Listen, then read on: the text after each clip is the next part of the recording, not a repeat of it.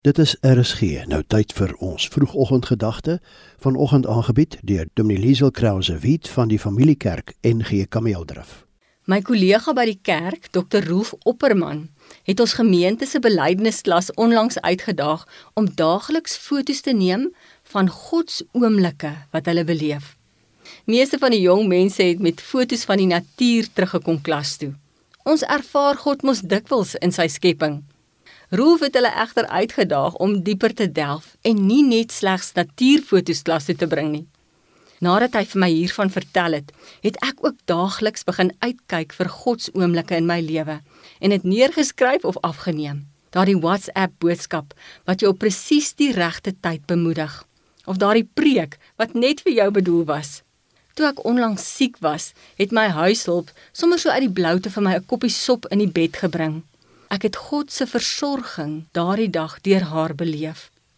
Kyk elke dag uit vir God se oomblikke. Neem sommer 'n foto daarvan as jy kan.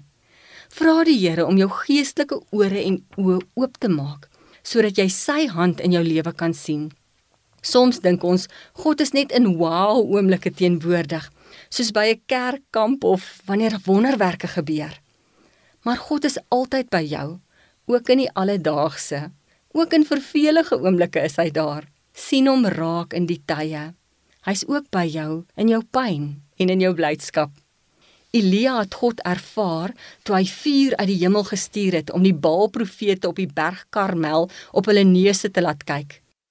Maar luister ook hoe God homself kort hierna aan Elia openbaar het in 1 Konings 19.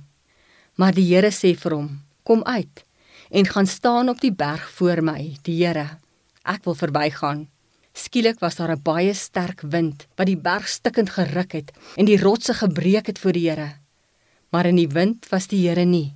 Na die wind was daar 'n aardbewing, maar in die aardbewing was die Here nie. Na die aardbewing was daar 'n vuur, maar in die vuur was die Here nie. En na die vuur was daar 'n fluistering in die windstilte. Toe Elia dit hoor, het hy sy gesig met sy mantel toegemaak en in die bek van die grot gaan staan.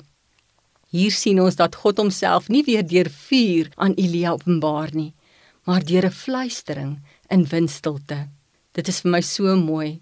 Hy's die God wat homself openbaar deur vuur, maar ook deur 'n fluistering in die windstilte.